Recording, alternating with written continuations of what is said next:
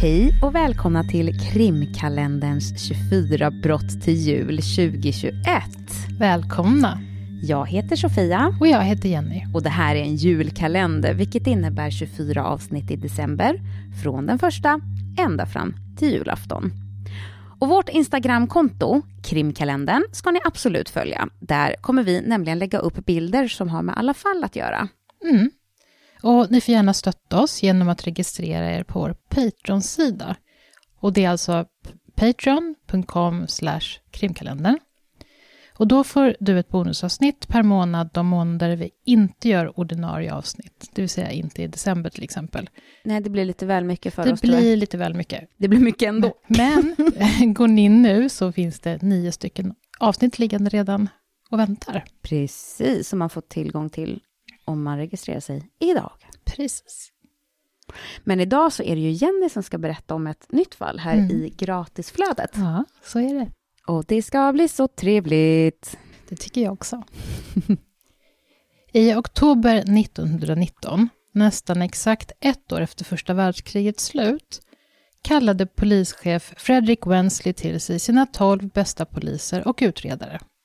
De träffades på hans kontor på Scotland Yard i London.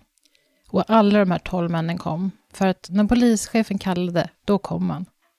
Och de tolv männen kände att det fanns någonting i luften, en slags spänning.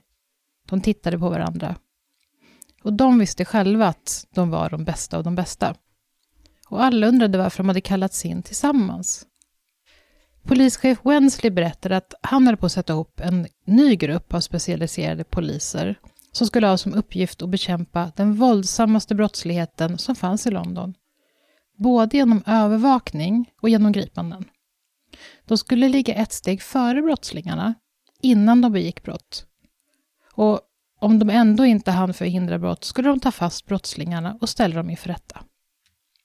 Och de här tolv männen var utvalda, sa Frederick. Det var de allra bästa poliserna i London och de skulle därför få äran att ingå i den här specialinriktade insatsstyrkan. Ett gäng experter, ett gäng proffs, polisernas elit. De tolv männen sträckte på sig. Alla tackade ja till att ingå i specialstyrkan. Gruppen fick namnet The Flying Squad, alltså ungefär den flygande styrkan eller något sånt. Mm. Till en början bestod gruppens fordon av hästdragna vagnar med hål uppklippta i tyget som satt runt vagnarna. Och där inne så satt medlemmarna då och tittade ut genom de här hålen och spanade på misstänkt verksamhet runt om i stan. Några år senare så utrustades gruppen med bilar istället. Mm. Åren gick. Poliserna i gruppen blev äldre, de pensionerades och nytt blod kom in i The Flying Squad. Gruppen växte, medlemmarna blev fler och fler och specialister inom olika områden togs in. Gruppen löste flera berömda fall under de kommande årtiondena, som till exempel The Great Train Robbery, alltså det stora tågrånet. Ja, ja, ja, yes. Och det är inte fallet jag ska prata jag ska berätta lite om det. Ett tåg tillhörande The Royal Mail, alltså motsvarigheten till posten ungefär, var på väg från Glasgow i Skottland till London. Tidigt på morgonen den 8 augusti 1963 skulle tåget passera järnvägsbron Bridgeo, eller någonting sånt, Bridgeo Bridge, nära staden Mentmore i Buckinghamshire. Det var en och en halv timme tills tåget skulle anlända till London. Jack Mills, tågföraren, bromsade in tåget när han såg en stoppsignal längre fram. Han blev förvånad. Han körde ofta tåget den här tiden och det brukade aldrig komma mötande tåg just nu.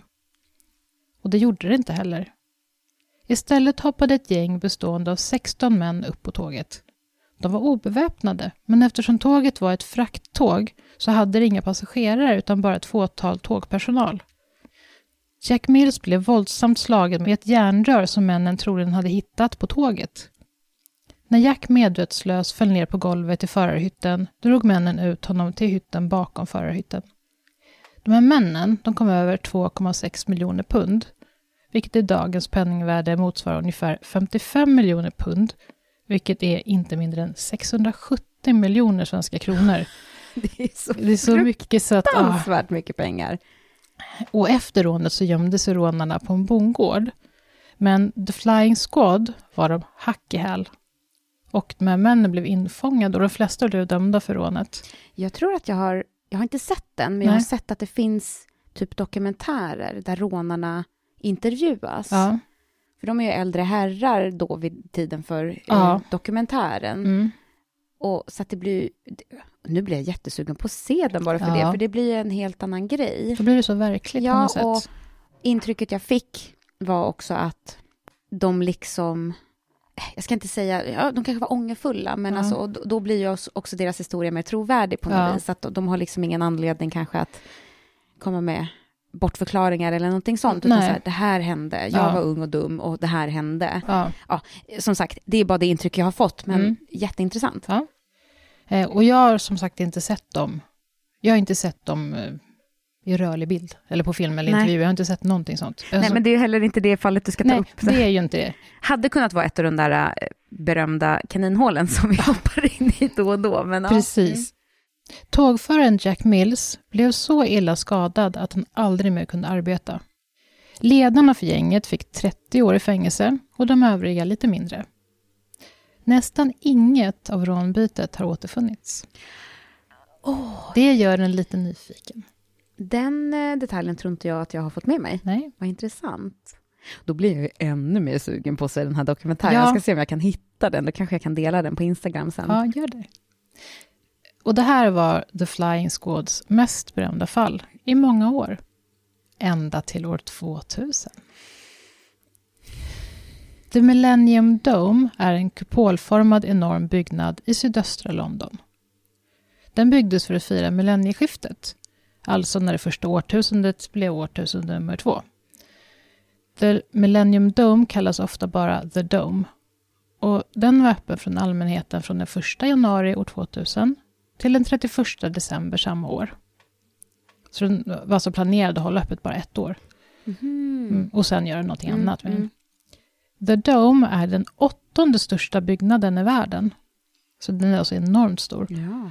Eh, Kupolens tak har en diameter på 365 meter, lika många dagar som året, och hålls upp av 12 stycken 100 meter höga stödtorn. Det vill säga 12 stycken som månaderna på året. Ah. Och utställningarna i The Dome eh, är indelade, eller var indelade i 14 olika delar. Och de handlade om allt från miljön till arbetsliv till kropp och hälsa. Det var liksom alla möjliga ämnen. I augusti det året fick The Flying Squad ett tips från en av sina informatörer i den kriminella världen. Ett stort väpnat råd höll på att planeras. Vad som skulle rånas visste de inte. Men vilka som planerade att utföra rånet trodde de att de visste. The Flying Squad satte spaning på dem som de trodde var ledarna för rånarligan. Operationen fick namnet Operation Magician, alltså ungefär Operation Magiker. Mm. Männen som The Flying Squad misstänkte hette Lee Wenham, Raymond Betson och William Cochran. The Squad följde männen varje steg männen tog, från att de gick upp på morgonen till att de släckte lampan i sina sovrumsfönster på kvällen. Männen levde till synes vanliga familjeliv. Men de var välkända hos polisen eftersom alla tre hade långa brottsregister. Under flera månader sågs de här tre männen befinna sig i eller i närheten av domen, The Dome. Ibland ensamma och ibland tillsammans. De var alltid skuggade. Flera civilklädda poliser var ständigt bara några meter ifrån dem. De tre männen gick runt i alla delar av utställningen när de var inomhus. De var också utomhus och tittade. De fotade och de filmade så mycket de kunde verkade det som. Så småningom lyckades The Squad knyta ännu fler misstänkta till gruppen eftersom de kartlade alla personer som de tre misstänkta männen hade kontakt med. Snart kunde de lägga till ytterligare fyra namn på listan. Terry Millman, Aldo Cicarocci, Robert Adams och Kevin Meredith.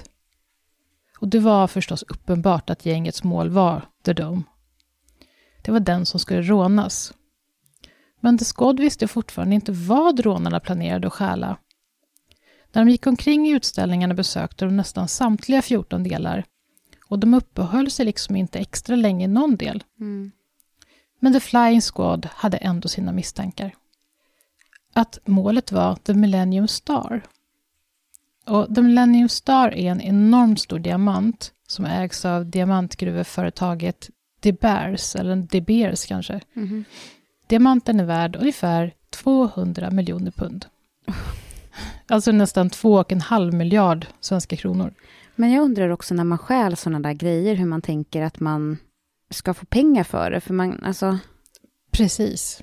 alltså ibland är det ju att man tänker att man ska få tillbaka på försäkring Ja. och liksom att man på något vis utpressar ägaren. Du får Ja. tillbaka den om... Precis, om jag får så och så Ja, det mycket. har ju inte med försäkring att göra, vad dum Nej, jag är. Men, ja, men- du fattar vad jag ja. menar, att det har någon utpressningsplan. Precis, och det får vi väl se om det är i Mm, det här mm. fallet. Men eh, diamanten är på ungefär 203 karat. Och den, om man ska liksom se den, 203 karat säger mig ingenting. För jag har inga diamanter. Men den är i alla fall ungefär lika stor som en ganska stor rosenknopp. Jag kunde inte komma på något bättre. Mm. Eller kanske ett litet, litet ägg. Typ ett vaktelägg. Mhm. Mm. De Beers hade lånat ut The Millennium Star till utställningen och även ett antal oerhört värdefulla blå diamanter. Diamanten visades upp i den delen av utställningen som kallades The Money Zone, alltså pengazonen. Och så småningom började The Squad misstänka att det var just diamanten rånarna var ute efter. Det fanns ingenting i domen som var i närheten av lika värdefullt som den. Och diamanterna var lätta att transportera till skillnad från till exempel de dyra bilar som visades upp i en annan del. Mm. Det som däremot var förbryllande, det var som du säger att The Millennium Star skulle vara otroligt svårsåld. Förmodligen helt omöjlig att sälja. För att den var ju så känd. Mm. Men det kan ju vara så att det fanns redan en hemlig samlare som, beställt, som hade liksom beställt rånet som ville ha Ja. just den här. Eller så skulle diamanten tas isär och sälja så många mindre diamanter. Mm. Alltså de skulle förstöra den.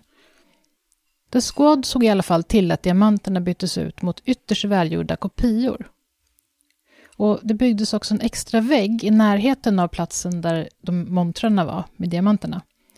Och den var liksom bara en, nu visar jag med händerna, det är väl väldigt dumt om man har en podd. eh, det var liksom en vägg innanför den andra väggen. Och det var inte särskilt många decimeter den gick utanför. Liksom. Eh, och där kunde poliser gömma sig. På ett, som på ett led och typ spana. Och sen om någonting hände kunde de rusa ut. Och det fick plats ungefär 15 poliser i full mundering bakom den där väggen. Så någon slags lönnvägg då? Ja, Liksom, precis. Eller? Ja, mm. okej.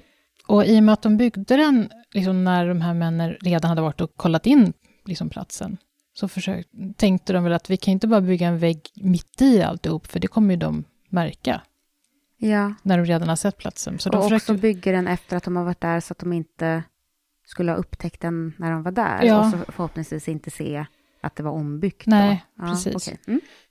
I september sågs några ur rånargänget, och jag kallar dem det trots att de faktiskt inte har rånat någonting än. Nej, nej. Eh, men i brist på bättre. De sågs prova en motorbåt i en hamn i Kent. Och Kent ligger en dryg timme sydväst om London. Och teorin var att det var en av gruppmedlemmarna, han som hette Terry Millman, som testkörde motorbåten flest gånger. Och därför tänkte de att då är det han som ska köra flyktbåten. Och tillsammans med honom var en man vid namn James Hurley. Och James var en av de mest intressanta namnen i gruppen. Han var den som var med på flest platser, han verkade ta flest bilder och han var också den som verkade vara ansvarig för att fatta beslut om flyktbåten tillsammans med Terry Millman. Sen vet jag inte hur de liksom kom fram till det, för de hörde ju inte dem prata, Mm. men ja, de såg väl det kanske, för han såg väl kanske ha utav lite mer pondus eller någonting. Mm. Jag vet inte.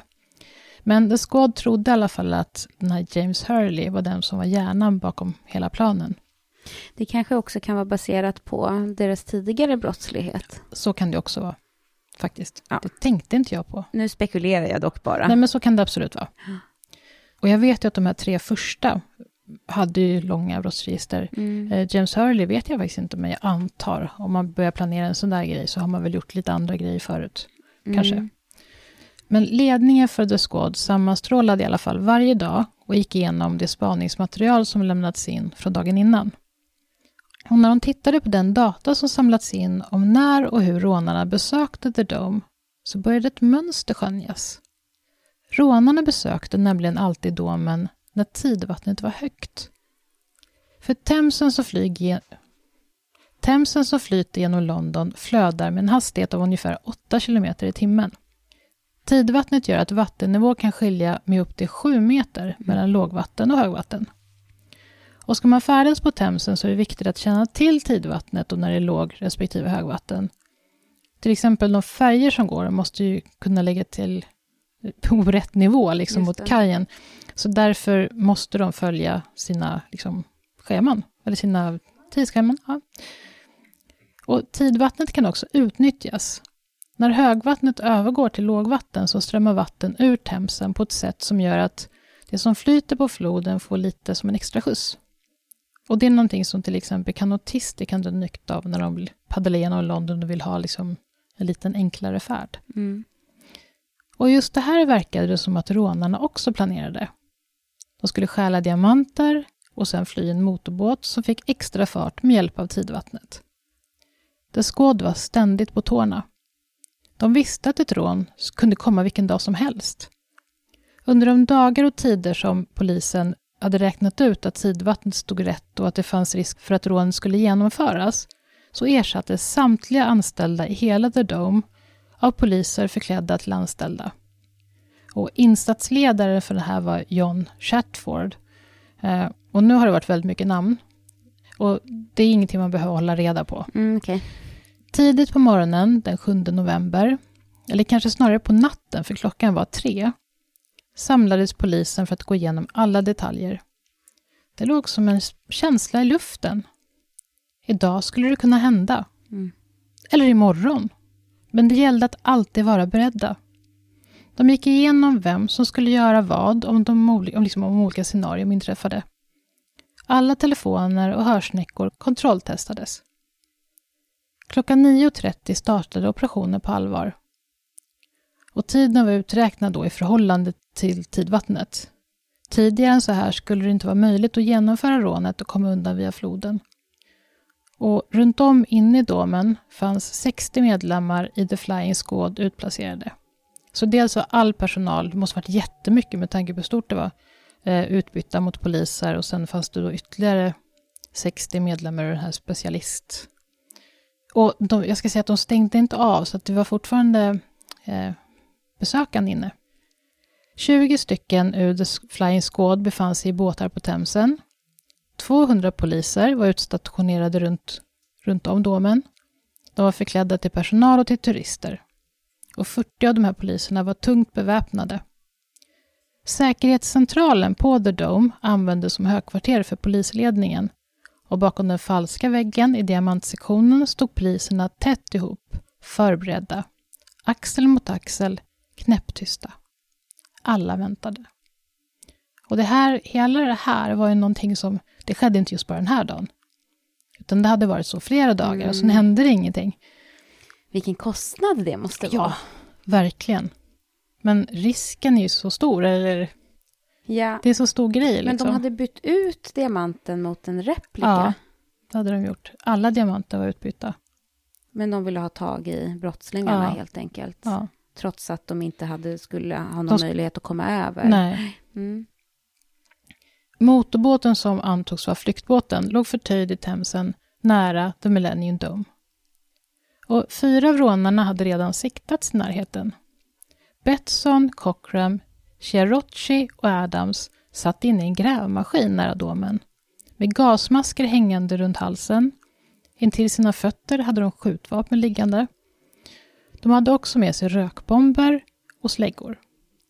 Men för ett otränat öga såg det ut som vilka arbetare som helst. En grupp män som troligen arbetar med någon slags sprängning eller grävning.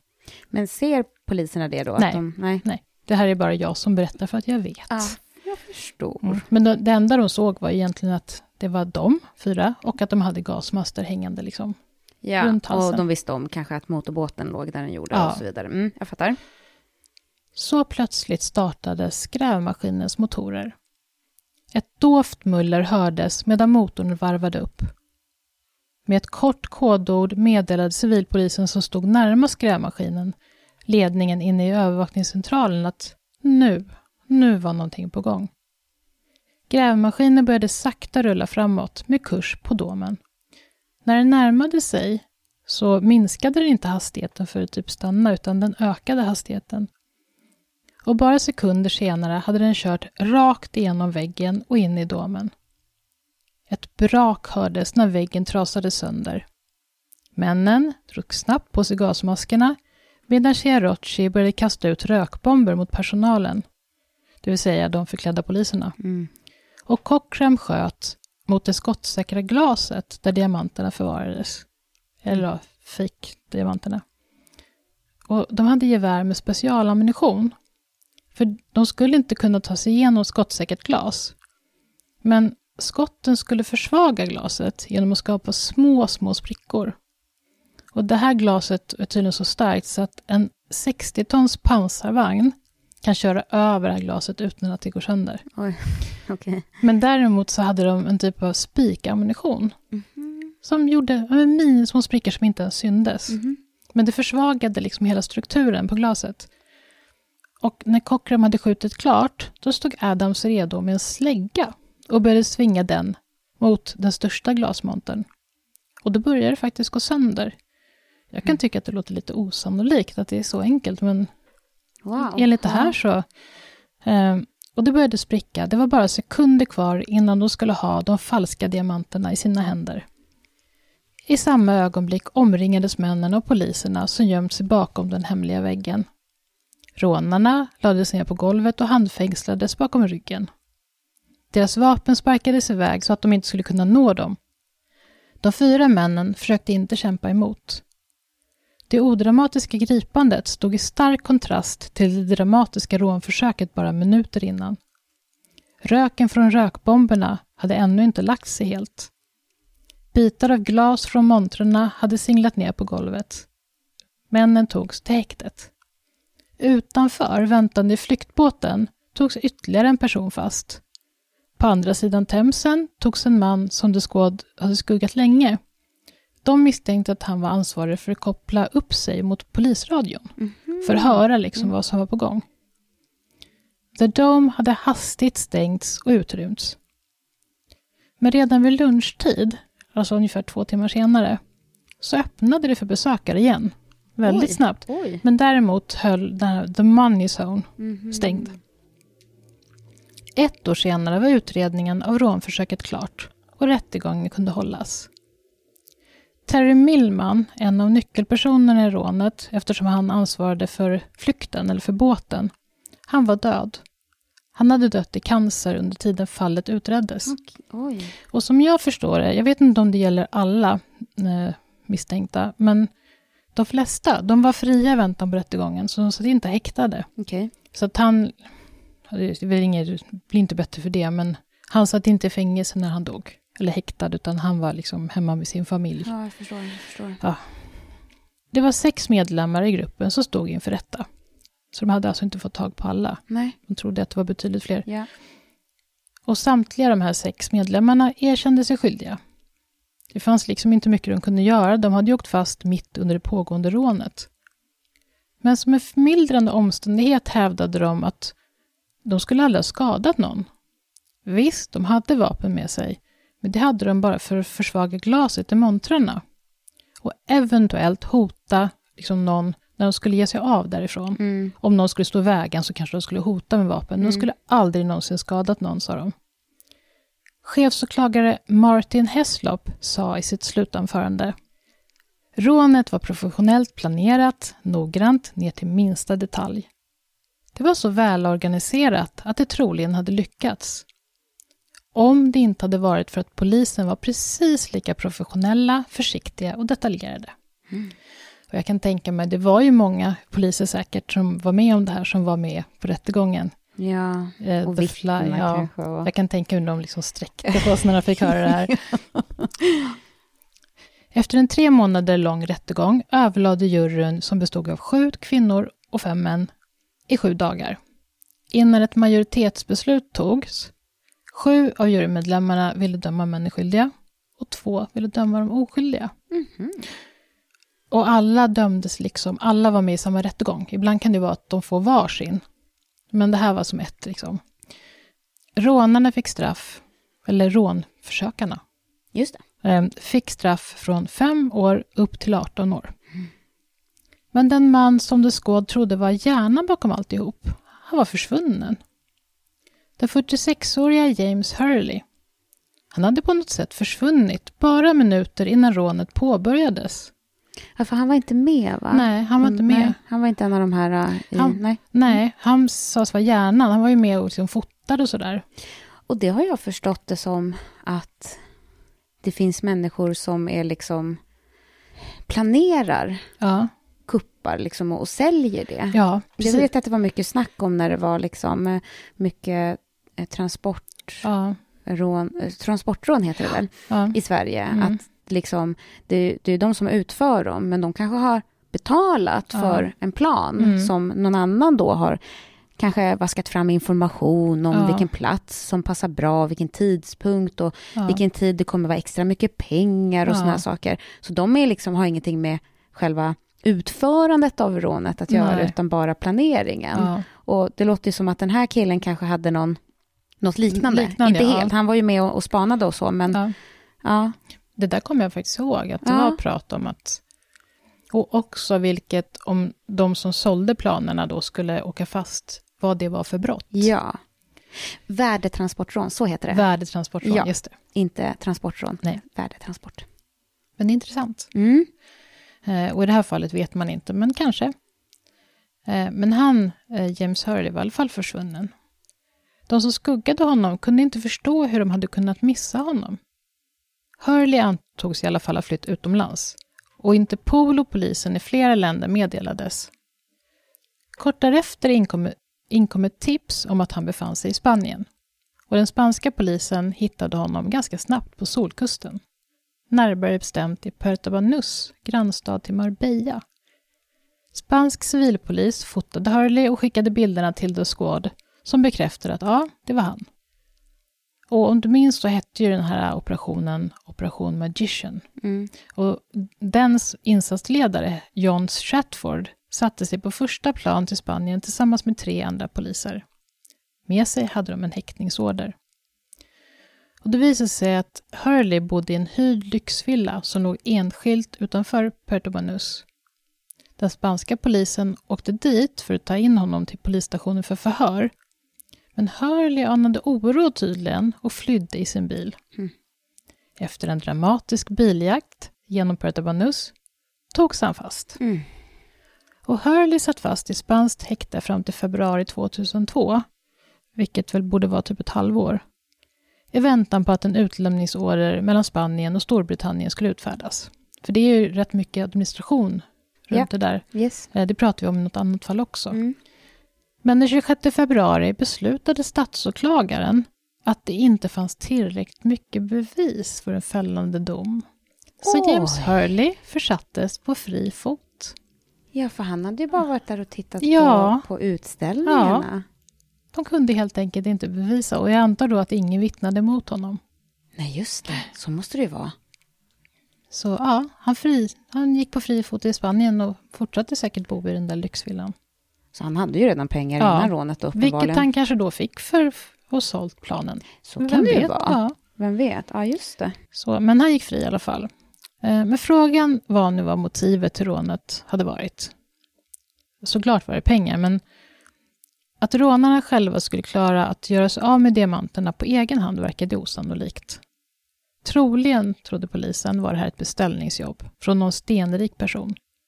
Det totala värdet på diamanterna i montrarna som rånarna försökte ta sig in till hade, för det var ju bara, in, det var inte bara den här The Millennium Star, utan det var ju andra också. Det var den där blå, ja. Ja, Mm. så det totala värdet hade ett marknadsvärde på 7,3 miljarder kronor.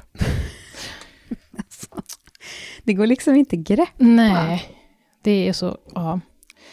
Någon misstänkt köpare har i alla fall inte kunnat pekas ut, eller Mm. Även om flera av de åtalade skyllde på en annan kriminell, som de sa, det var han som hade satt upp planen. Och som sagt också att han hade en, en köpare från utlandet. Okej. Eh, och det här var en, en namngiven person, och det var inte James Hurley, Nej. en annan som togs in, förhördes, men det gick liksom inte att knyta Nej. honom på något sätt. Och han släpptes. The Flying Squad finns fortfarande kvar idag och arbetar ungefär på samma sätt som de alltid gjort. Mm. Genom att hindra brott och att taffa brottslingarna om brott begås. Och för två år sedan så fyllde gruppen 100 år. Grattis! Ja, grattis! Men, när du, när du sa att de liksom jobbar för att förhindra brott, Ja. då tänkte jag ju direkt, åh, eh, kriminologer. ja, Men eh, de jobbar ju annorlunda. Det Ja. ju kanske att... det här var mer på fältet jobb. ja, Liksom. alltså att ta folk på bar gärning Ja. på något vis. Och kriminologer kanske jobbar lite mer att se till att människor inte kommer på tanken Ja. att begå brott. Steget liksom. innan. Liksom. Ja. Ja. Ja, jag fattar. Mm. Ja. Men vad hände med Millenniumdomen då? Mm.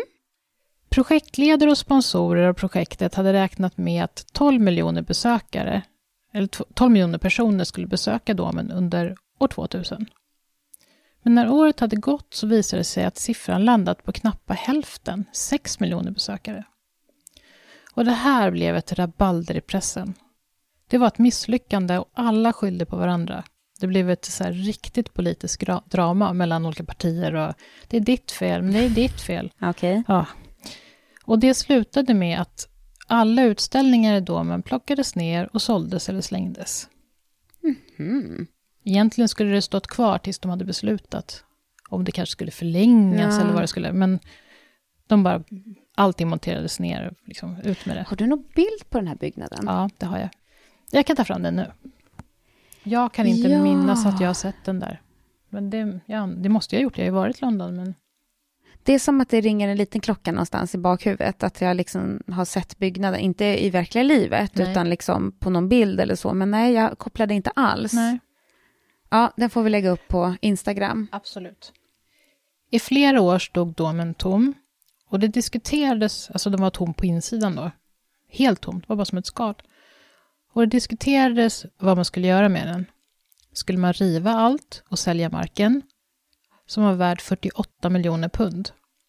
För då skulle man få tillbaka lite mer än vad det hade kostat att bygga den. Mhm. Mm. Så det var liksom ganska länge. Men vem ägde marken? Var den statsägd? Det var- liksom? Det var statsägt. Mm. Till slut bestämdes det att The Dome skulle byggas om på insidan så att det skulle kunna användas som ett nöjescenter. År 2007 döptes domen om till The O2, alltså 02. Mm.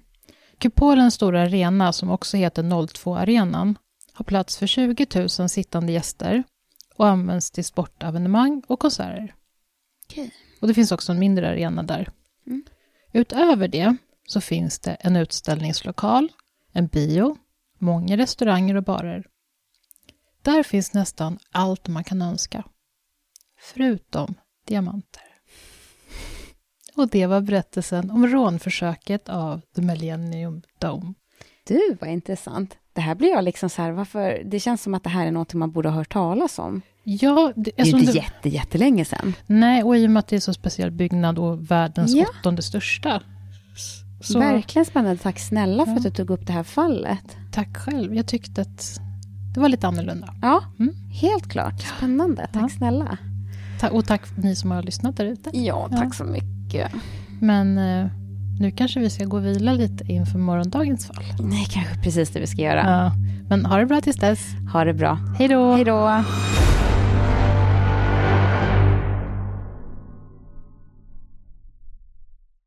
I Buckinghamshire. Buckinghamshire. Buckinghamshire. Ah, i, I Buckinghamshire